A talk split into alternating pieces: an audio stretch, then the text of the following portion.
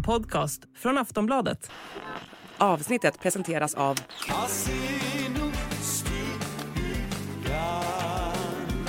Stödlinjen.se, åldersgräns 18 år. Hej och välkomna till Kungligt. Jag heter Sara Eriksson. Och jag heter Jenny Alexandersson. Prinsessa Madeleine är på väg hem till Sverige, men hur ska det gå för Chris O'Neill? Nu har Migrationsverket satt ner foten. Vi ska även prata om svenska Louise som är prinsessa i Malaysia och häromdagen så kom hon med mycket spännande, ett mycket spännande besked, Jenny. Mm. Och så pratar vi om prins Carl Philips nya husköp och om shaman Derek Verrett som nu satsar på en helt ny karriär.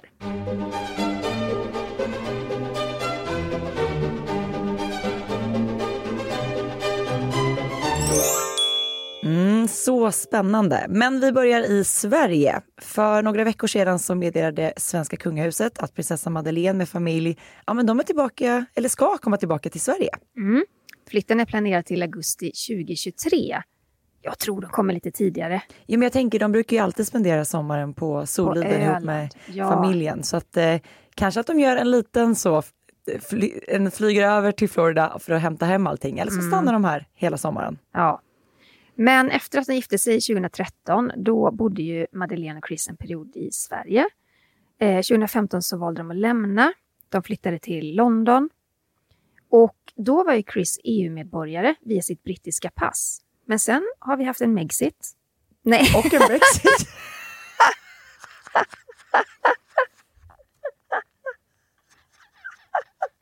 Alltså då vet man att man är lite inne i den kungliga världen när man börjar kalla Brexit för Brexit.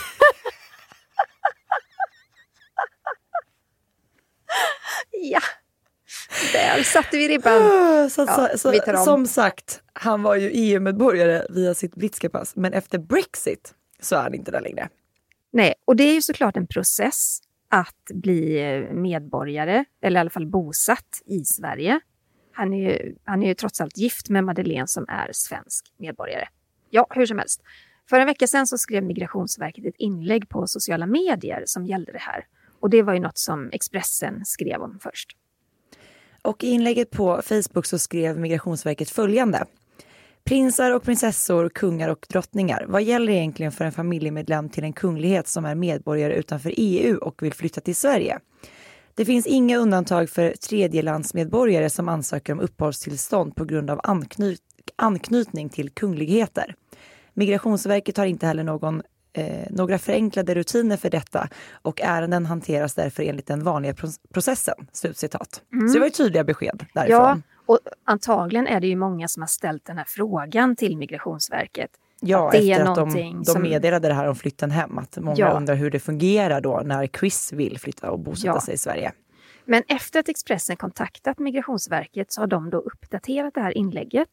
De strök det här med prinsar och prinsessor, kungar och drottningar och så strök de några emojisar. Mm. Och eh, Migrationsverkets presschef Jesper Tengroth, han menar att det har ju ingenting med Expressens fråga att göra. Well, ja, ja vem vet? Vem vet? Men enligt Migrationsverket så skrev de inlägget efter att de har fått en rad frågor gällande uppehållstillstånd för icke-EU-medlemmar. Särskilt då om de är gifta med någon av kunglig börd. Så att Chris kommer alltså, precis som alla andra icke-EU-medlemmar, att söka då uppehållstillstånd i Sverige i och med den här flytten tillbaka. Mm. Men det är också, det varit, jag tänkte verkligen på det, det varit så mycket skriverier om att det här kan få paret att vara separerade i upp till ett par år för att det är så lång process. Men jag, det där är nog lite så sanning med modifikation. Alltså jag har ju en, eh, en, eh, i min utökade familj så att säga, en, en person som är gift med en svensk medborgare. Och för, för den eh, kvinnan så tog det absolut inte två år att få uppehållstillstånd i Sverige. Det gick ganska snabbt. Och hon har inga speciella, alltså det var inget speciellt med hennes anknytning på något sätt, utan det är bara att hon var gift med en svensk man mm. som är medborgare. Så det, det behöver inte vara så att det tar två år. Det handlar ju också om alltså hur många som står före en i kön såklart. Eh, men, men i vissa fall, som, som den här kvinnan jag pratar med, det är ju ett par år tillbaka i tiden, men jag tror inte det behöver handla om fler, ett par år för Chris. Men här känns det ju verkligen som att Migrationsverket har fått frågan just ifall att Chris O'Neill skulle liksom på gräddfil kunna Ja. få det här snabbare än någon annan. Och där ville de ju då tydliggöra att den processen ser exakt likadan ut oavsett om man är gift med en kunglighet eller inte. Och jag tror också problemet är att Chris måste ju då stanna i USA tills han får det här uppehållstillståndet. Han kan inte hålla på och resa så här fram och tillbaka hitan och ditan utan under processen så är det lite mer speciella strikta regler kring det där. Mm. Och det var väl det många tidningar menade då att ja men oj, de kommer vara separerade så lång tid. Att de inte kommer ses på kanske flera år då om de inte då Madeleine med familj reser till Reser USA. dit, det var väl ja. det man menade. Ja. Ja. Eh, jag såg också att det skrevs en del så här, fick en fråga bland annat på Instagram så här, om det hade sett annorlunda ut ifall att Chris hade tackat ja till en prinstitel. Eh, och så här, hade han tackat ja hade de då kunnat bott utomlands på samma sätt. Ja, men det där är ju jättespännande. Ja, det är klart att det hade varit annorlunda då, för då är han prins av Sverige. Då hade han ju såklart också fått ett medborgarskap. Mm. Så det är klart att det hade varit en stor skillnad. Å andra sidan hade ju kanske inte då prinsessfamiljen eh, kunnat bo i USA på det sättet som de har gjort om de då skulle ha varit arbetande kungligheter båda två. Nej, det är sant. Så det hade ju också sett annorlunda ut. Då hade de förmodligen varit bosatta i Sverige sedan bröllopet om man Ja. hade tackat ja till den titeln. Verkligen. Men vi stannar i Sverige. Vi hoppar över till Carl Philip och Sofia. För prinsparet de har faktiskt köpt ett nytt hus. Och det är ett litet fritidshus. Det är en fäbod i rött trä och med vita knutar. Det här är också från Expressen. Gud, de har legat i här Ja, verkligen. Ja. De var först med att eh, rapportera kring det här husköpet ju. Ja, sen har många tidningar eh, följt efter. Men det här lilla huset det ligger i närheten av Sofias föräldrahus i Älvdalen. Och det finns tydligen ingen el och det är inte kopplat till kommunalt vatten i den här lilla samlingen med fäbodar som ligger då eh, där. Men eh, Carl Philips och Sofias hus, de har tydligen en solpanel. På tomten finns det vedförråd, utedass och ett vindskydd som kan användas som matplats. Det låter väldigt mysigt när man Det pratar låter om det. väldigt mysigt och det låter verkligen så som man har bilden av att så här, ett klassiskt landställe ska se ut och vara. Ja, Mm. verkligen. Huset låg ute för 495 000 kronor och prinsparet betalade till slut 870 000 kronor för huset. Och enligt Expressen så sammanfaller husköpet tidsmässigt med att Carl Philip plockade ut 1,2 miljoner kronor i vinst ur sitt eh, moderbolag CPHB Design AB. Mm. Och HVs informationsavdelning de har bekräftat att ja, prinsparet har köpt den här fäboden i Dalarna. Men det är ett privat köp så man diskuterar inte det eller kommenterar det. Men eh, det är ju inte det enda hus som Carl Philip och Sofia har. Carl Nej. Philip har ju också den här jättestora gården, eller jättestora, men en, en stor gårdsbyggnad i Trosa är det va? Ja, precis. Eh, och sen har de ju också Villa Solbacken där de bor, liksom ute på, på Djurgården som de ärvde efter eh, prinsessan Lilian och prins Bertil. Alltså, Jenny, jag måste bara säga en rolig detalj. här. Jag, jag går ju ofta runt Djurgården. Eh, det är liksom mitt promenad, promenadstråk.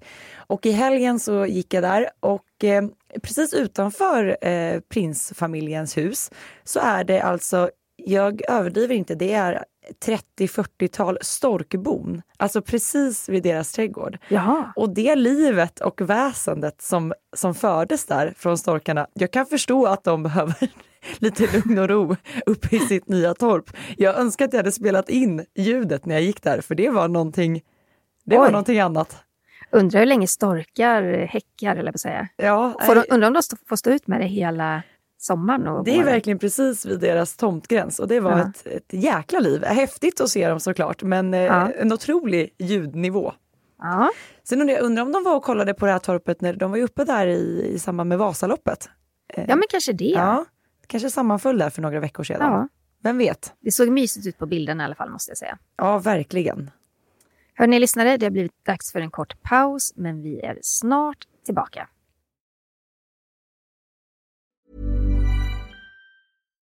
Millions of people have lost weight with personalized plans from Noom, like Evan, who can't stand salads and still lost 50 pounds.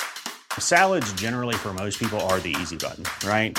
For me, that wasn't an option. I never really was a salad guy. That's just not who I am. But Noom worked for me. Get your personalized plan today at Noom.com. Real Noom user compensated to provide their story. In four weeks, the typical Noom user can expect to lose one to two pounds per week. Individual results may vary. Nu är vi tillbaka och det har blivit dags för veckans Harry och Meghan.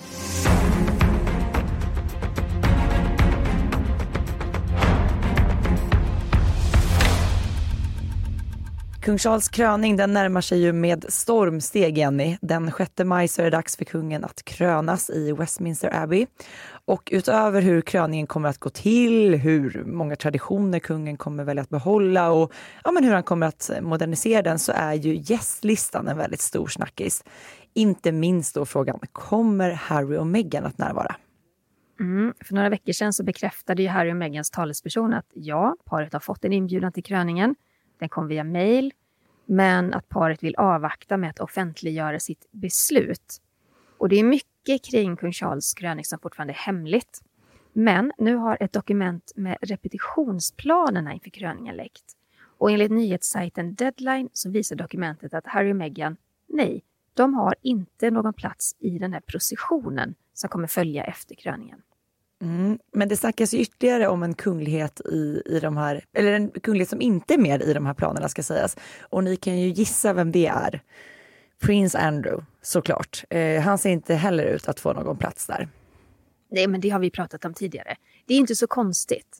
Han har ju blivit anklagad för våldtäkt. Han på drottning Elizabeths beslut blev ju lite utputtad ur kungahuset. Han är inte heller någon arbetande kunglighet längre. Nej, så det är inte så konstigt då att varken prins Andrew, Harry eller Meghan har någon större officiell plats under kröningen. Och det såg vi också. Kommer du ihåg tronjubileet så när vi var där i juni mm. förra sommaren? Eh, då var det ju lite glest på den här balkongen vid Buckingham Palace. Ja, men man är ju van vid att verkligen se hela familjen samlad där. Den här balkongen brukar ju vara fylld till bredden. De, de trycker ut alla. Ja, och man ser liksom nästan hur människor fortfarande har stått bakom, alltså fortfarande innanför, Halvvägs så att man ute, inte kommer ja. ut. Eh, men här så beslutade drottning Elizabeth att nej, på balkongen så kommer bara då arbetande kungligheter att ta plats. Och så blev det också. Och det känns ju som någonting som även då kung Charles kommer att ta vid nu vid kröningen. Ja, vad ska han göra annars? Om han skulle fylla den här balkongen med, med hela tjocka familjen, då skulle också prins Andrew stå där. Då skulle också Harry och Meghan stå där. Och då skulle det ta allt fokus ifrån varför de egentligen står där och Mm. vinkar. Mm. Och då skulle alla rubriker dagen efter, eller samma dag, handla om att Harry och Meghan fick stå placerade bredvid den och den och de gjorde det och det. Så det är klart, det är ett smart drag att säga att det är bara arbetande kungligheter. Ja, så att de här detaljerna då som har, har läckt gällande processionen, det är ju ingenting som förvånar oss. Utan det här hade vi nog räknat med att vi inte kommer att se dem eh, ta en sån stor plats under kröningen. Men Sara, åh, vi måste ta upp det. För du har ju gjort någon slags spaning. Just för ditt intresseområde är ju mode. Kungligt mode tycker Ja. jag ju är eh, väldigt spännande. Och det är klart att det också blir en stor del av den här kröningen. Liksom dels ska vi se då hur Charles kommer att modernisera själva kröningsceremonin. Jag undrar verkligen, så här, kommer han att bära till exempel den här manteln med liksom äkta päls av hermelin? Hur kommer de andra gästerna att klä sig? Det har ju ändå gått mer än 70 år sedan drottning Elizabeth kröntes och mycket har ju hänt sedan dess. Ja, det är helt andra tider. Ja. Eh, ja, men just det här med, med kungligt mode är ju väldigt intressant. Och apropå det så måste jag berätta en sak som jag faktiskt inte kände till. Eh, författaren Claudia Joseph har ju skrivit den här Diana, A Life in Dresses, som jag har läst. Eh, där berättar hon en väldigt spännande, spännande detalj. Har absolut inte med kröning att göra, men om kungligt mode. För när Diana då skulle köpa den här outfiten som hon bar vid förlovningen med prins Charles, ni vet, eller du vet också Jenny, den här blåa kavajen, matchande kjol, knytblusen med blåa svalor på. Eh, hon bar ju den då när de mötte pressen den 24 februari 1981. Och kvällen innan, eh, lite i sista minuten får man väl ändå lov att säga, så var ju då Diana på jakt efter den här looken. Hon letade efter kläder tillsammans med sin mamma Frances och de gick då till eh, Melville Sassoon i Knightbridge. Men det är en väldigt så, exklusiv butik. Eh, så. Men inne i butiken så blev då Diana avvisad av personalen. Alltså de hade tydligen så tittat ganska dömande på henne. Hon hade inte alls blivit bemött på ett trevligt sätt. Det är ju precis som i Pretty Woman. Ja, exakt så. Och det är därför det här kallas för Dianas Pretty Woman-ögonblick. Eh, för det är ju den här scenen då när, vad heter karaktären? Vivian... Vivian Ward. Ja, som Ja. spelas av Julia Roberts. Hon blir ju jätteotrevligt bemött av personalen och sen kommer hon tillbaka dagen efter, visar upp shoppingkassarna och säger så, vad säger hon, big mistake. Ja. Men Diana hon kände sig då väldigt illa till mots efter liksom, butikspersonalens agerande och hon gick därifrån med sin mamma. De gick istället till Harrods där de då hittade sin look. Men när ägaren till butiken fick reda på vad som hade hänt och framförallt då dagen efter när de förstod vem det var som hade letat efter en outfit och till vilket sammanhang.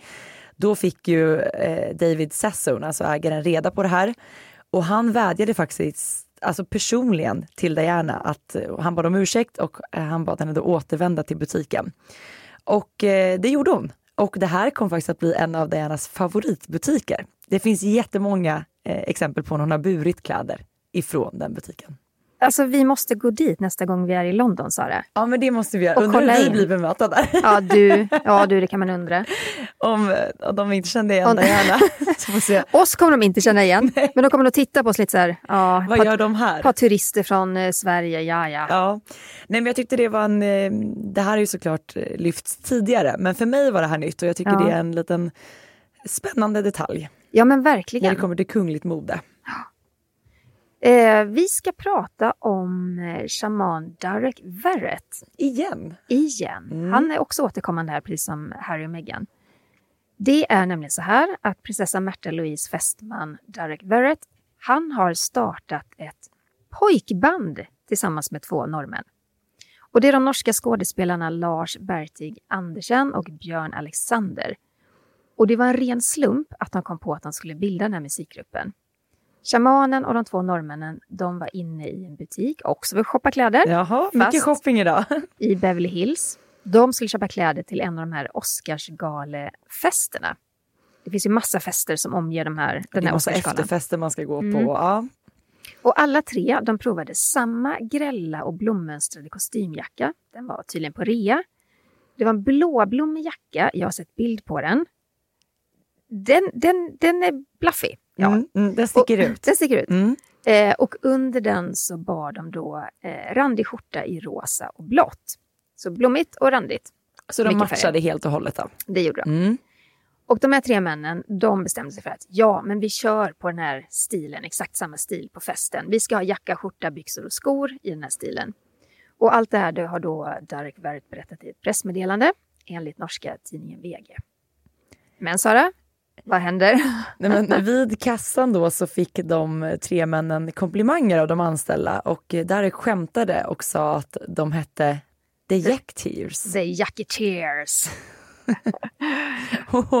det här namnet fastnade då i deras tankar och gjorde helt enkelt att ja, men de bestämde sig för att starta ett band och se om det liksom var, skulle vara möjligt att skapa vad de kallar för en riktig liksom partylåt. Och det gjorde de också. Resultatet blev after, after ski ikväll. Alltså Vi måste de, lyssna lite. Ja, men, men de, de stavar ikväll med Q-U-E-I-L-L. Så ikväll. Ja, vi lyssnar. Hej, Durek och Björn, vi drar på fjällen! Okay, you drive, because I don't want to drive in the snow. Upp på fjällen chatta, ski och mega. Ja, da Teslaen opp til maks, nå er vi kine på smell. Setter kursen opp mot fjellet, nå skal partymuskler blø. Skole, jobb og stress. Nei, det kan vente lite grann, for når fjellheimen kaller, er vi klare alle mann. Forse bak i bilen, Espa-bolla er ful. For når jeg har på raske briller, føler jeg meg superkul. Og på hytta fyr i peisen med noe jeger og ved. Jacuzzi med noe mus i og noe shotteski på G. Let's go! Opp på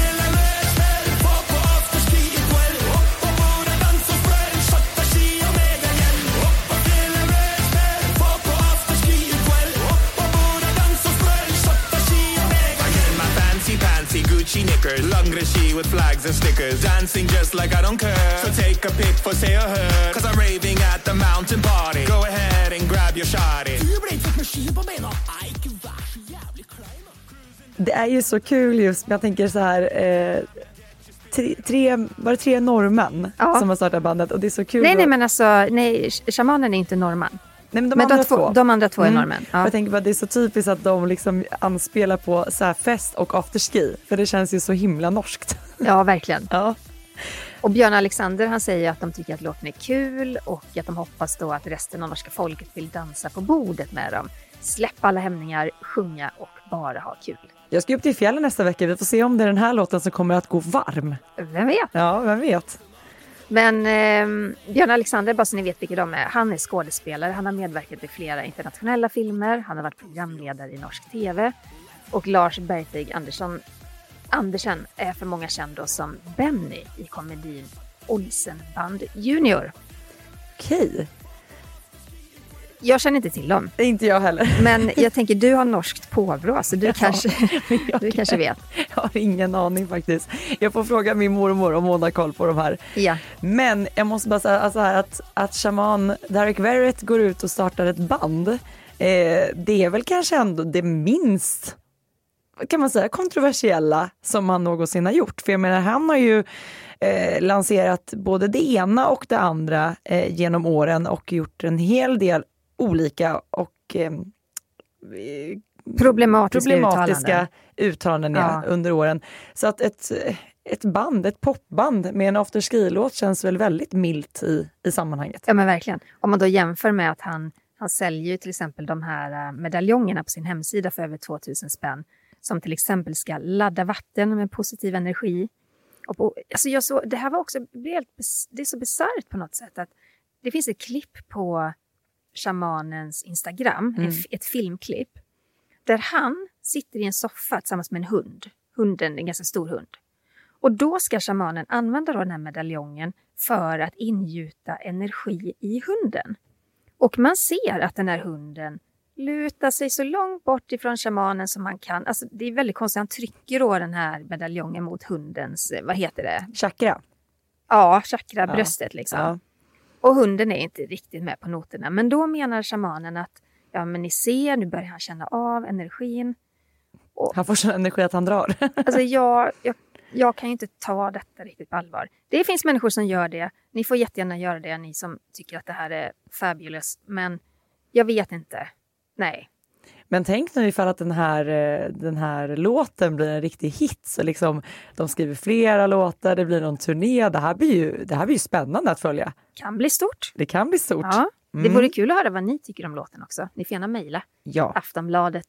Nej, kungligt att aftonbladet.se. Jag säger alltid fel. Vi har haft podden i, är det över tre år nu Ja. och vi har aldrig sagt rätt, varken du eller jag, på den här mejladressen. Så är det. Nu ska vi prata om eh, svenska Louise Johansson som gifte sig med den malaysiska kronprinsen Tengu Mohammed Faiz Petra. Och de kom med ett väldigt, väldigt roligt eh, besked häromdagen. Ja, men paret meddelade att de väntar sitt första barn tillsammans. Och Louise är ju 36 år och hennes man kronprinsen är 49 år. Och de gifte sig 2019. Och det här barnet det kommer i juli 2023 och det här skriver Louise på sitt Instagramkonto. Och hon skriver även att hon och hennes man eh, är glada att få liksom berätta nu och dela med sig av den här nyheten att de väntar sitt första barn. Det är en väldigt speciell historia kring, eh, kring Louise. Hon är ju då från Mantorp utanför Linköping. Och hon träffade sin man kronprinsen när de båda bodde i London. Eh, Louise hon gick barn och fritidsprogrammet på gymnasiet men sen flyttade hon till London för att jobba. Och kronprinsen han var där för att plugga. Han studerade bland annat historia i London. Men sen läste han också italienska och litteratur i Florens. Han har faktiskt doktorerat i antikens historia. Vad spännande. Mm. Och där paret då sa ja till varandra under en stor eh, palatsceremoni. Det var runt 300 gäster i staden Cotabaru. Och Louise var, hon var jättevacker. Hon var en lång vit klänning, det var en massa broderier i guldtråd. Och så hade hon en jättegullig, eller gullig, en fin silvrig tiara i håret. Och kronprinsen han var klädd i de här traditionella malaysiska, i en traditionell malaysisk högtidsdräkt. Mm. Och paret lever ju ett eh, ja, men ganska så lyxigt liv får man väl lov att säga i Malaysia. Eh, Men Louise har ju fortfarande stark koppling till Sverige och sin familj. Flera gånger har ju hon tagit upp eh, svenska traditioner på sitt Insta- Instagramkonto. Bland annat så har hon ju låtit sig fotograferas i en Sverigedräkt och visat upp både ja, men kanelbullebak och toastskagen och jag vet även att hon la upp på sitt Instagramkonto när de gjorde en tripp till Ikea. Åh, för härligt. att dels shoppa men också ta del av maten. Okej. Mm. Och kronprinsen han har ju besökt Sverige också. Och eh, Louise svenska familj, de har varit i Malaysia flera gånger faktiskt. Men i juli då, då får de byta det här kungliga officiella livet mot barnvagnspromenader och blöjbyte. Mm. Spännande att följa. Vi Mm. kommer givetvis att prata mer om det här i podden. Vi hoppar tillbaka till Norge. Ja, vi ska åter prata lite om eh, shamanen och Märta-Louise. För de båda två har ju kritiserats mycket för att göra reklam för sina kommersiella verksamheter. Eh, som vi var inne på, att kanske att starta ett band är minst kommersiella shamanen sysslat med de senaste åren. Ni som brukar lyssna på podden, ni har ju koll på detta. Vi har pratat väldigt mycket om det. Men eh, prinsessan och Derek har ju fått massiv kritik, bland annat då för den här föreläsningsturnén som de döpte till Prinsessan och shamanen, där då Märta Louise använde sin kungliga titel för att sälja biljetter. I sociala medier så har ju Märta Louise gjort inlägg som är reklam för olika produkter och många ansåg ju då att ja, men hon tjänar pengar på sin kungliga titel och sin status i de här kommersiella sammanhangen och det hör ju inte riktigt hemma i ett kungahus. Nej, och som du var inne på tidigare Jenny så väckt, har ju shamanen väckt väldigt starka reaktioner. Han påstod ju bland annat att barn som drabbas av cancer får det på grund av, av att de är olyckliga. Han, den här medaljongen vi var inne på som laddar dricksvattnet, det har han ju även då påstått eh, gjorde att han blev frisk ifrån covid. Och eh, de här har han då sålt och säljer på sin hemsida för cirka 2300 kronor. Det här har ju lett till ja, men, massiv kritik som sagt. Och eh, också lite förändringar gällande Märta Louise eh, engagemang för kungahuset. Ja, eh, hon gifte sig ju med Ari Ben 2002 och i och med det så avsade hon sig sin kungliga höghetstitel för att hon ville stå mer fri från kungahuset, hon ville tjäna egna pengar. Eh, sen tog ju Ari Ben sitt liv väldigt eh, tragiskt. Och eh, 2019 då hade ju, då hade ju Märta och eh, shamanen varit ihop sedan ett år tillbaka väl? Mm, mm. Då satte kung Harald och kronprins Håkon ner foten. Eh, därför de såg att det här med att eh, använda sin kungliga status, det funkar inte på det sättet som Märta Louise och shamanen gör. De kan inte fort- spela liksom på det här kungliga när de kränger produkter. Då blev det så att Märta Louise startade ett nytt Instagramkonto. Hon ville skilja då på det kungliga arbetet och det kommersiella arbetet. Men det räckte inte.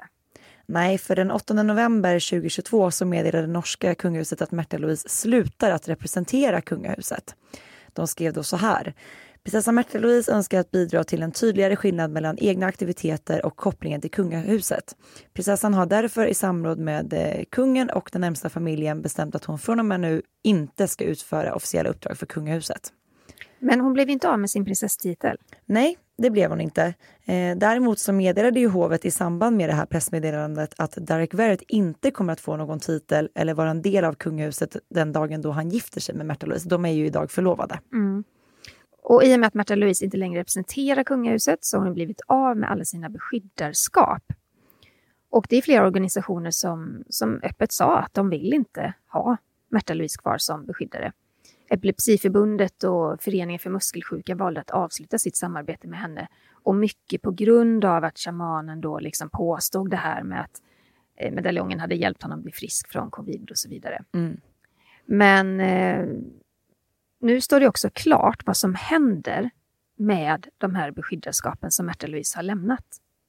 Ja, och eh, det är ju då kronprins Håkon och eh, kronprinsessa Mette-Marit som kommer att ta över Eh, det som då Märta Louise tidigare varit beskyddare för. Så att eh, här blir det då ett litet skifte inom det kungliga huset. Mm. I februari så medverkade ju Märta Louise i Min sanning med Anna Hedenmo i SVT. Och där, jag tycker det var väldigt talande för att hon, hon berättade att eh, Märta, alltså Märta Louise ville ju väldigt gärna ha kvar sina kungliga uppdrag. Hon tyckte om att ha den här rollen som beskyddare och vara talesperson för människor med funktionsvariationer och sådär. Men då fick hon frågan av Anna Hedenmo ifall hon skulle tacka ja till att återuppta sina uppdrag i framtiden. Och då svarade Märta Louise att ja, det skulle hon tacka ja till. Så att det här är ju inte en helt easy peasy situation för, för Märta Louise heller att bli av med, med det här som hon ändå har jobbat med under hela sitt liv fram tills nu.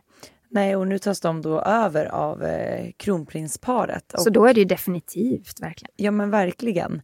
Eh, men jag tycker bara det är så intressant just för att när norska hovet då kommunicerade ut det här, då var det ju, man la ju fram det som att det var nästan Märta Louise som önskade att man Ja. skulle tydliggöra det här. Och det beror ju såklart på all den kritik som hon har mötts av och eh, tagit emot. Eh, men när hon då medverkade i Min sanning så vänds det ju lite. Alltså där, Mm. där uttrycker hon mer kanske en, en sorg över att ha förlorat eh, det här och att inte längre kunna vara lika engagerad i de här organisationerna. Verkligen. Vi har fått eh, lyssnarfrågor ifrån er. Det gillar vi. Vi håller också på att samla ihop frågor till ett stort lyssnarfrågeavsnitt som ska gå i påsk. Ja, Så skicka gärna in fler till kungligt aftonbladet.se. Nu sa jag det rätt. nu sa du Ja. rätt. Bra Jenny. Mm. Men vi ska väl beta av ett par här också. Ja, men det gör jag. vi. Åh, den här är ju rolig. Det här är en fråga ifrån, ska vi se, står det namn? Maria. Maria. Mm. Mm. Hon börjar så här. Grattis till Vasan, Sara. Wow, tack. Du har ju åkt Vasaloppet. det har jag gjort. Mm. Eh, en fråga. Ett scenario som kan komma. Den dagen kronprinsessan Victoria tar över som drottning efter vår kung, då han gått ur tiden, kommer då vår nuvarande drottning Silvia, om hon fortfarande lever, också ha titeln drottning så att vi har två drottningar, en arbetande och en pensionerad? Vänliga hälsningar, Maria.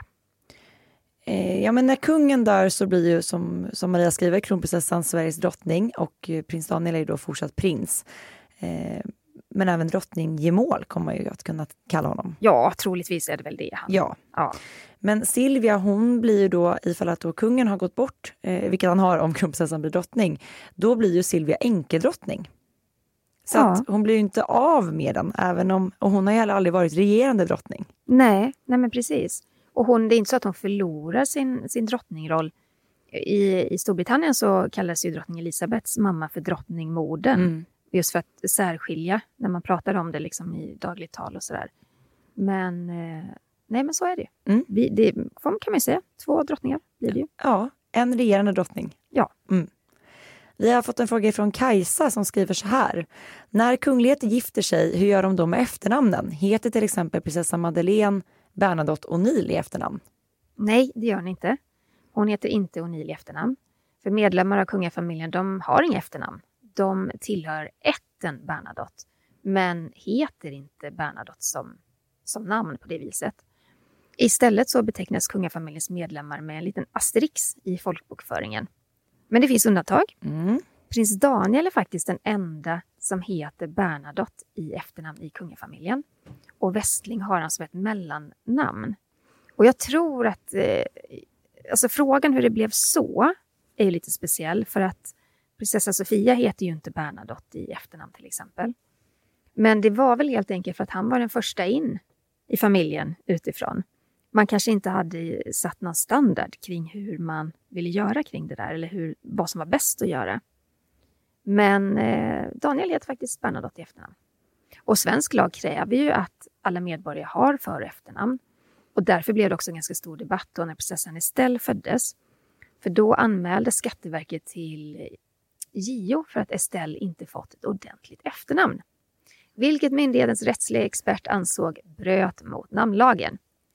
Men man hade ju den här eh, kommittén, eh, namnlagskommittén, som sen faktiskt tydliggjorde att det är helt okej att inte ge Estelle ett efternamn just för att hon är då av kunglig börd.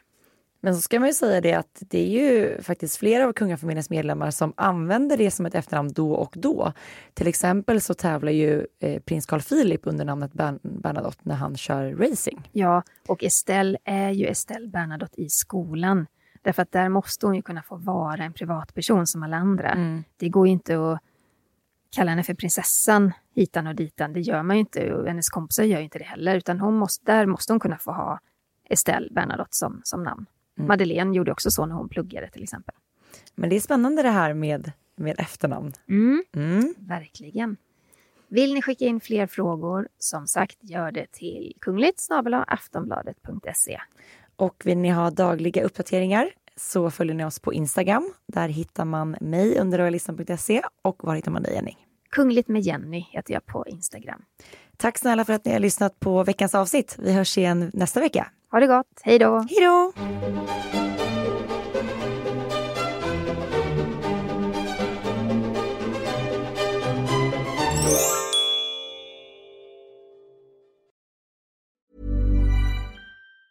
Say hello to a new era of mental health care. Cerebral is here to help you achieve your mental wellness goals with professional therapy and medication management support. 100% online. You'll experience the all new Cerebral Way, an innovative approach to mental wellness designed around you. You'll get a personalized treatment plan from a therapist, prescriber, or both in a safe and judgment free space. Your cerebral therapist or prescriber will outline a customized plan with clear milestones along the way so you can get to feeling your best. With Cerebral, you're not alone in your mental health journey. We're here to empower you to live a fulfilling life. So take that first step towards a brighter future and sign up today at cerebral.com slash podcast and use code ACAST to get 15% off your first month. Offer only valid on monthly plans. Other exclusions may apply. Offer ends July 31st, 2024. See site for details. Du har lyssnat på en podcast från Aftonbladet. Ansvarig utgivare är Lena K Samuelsson.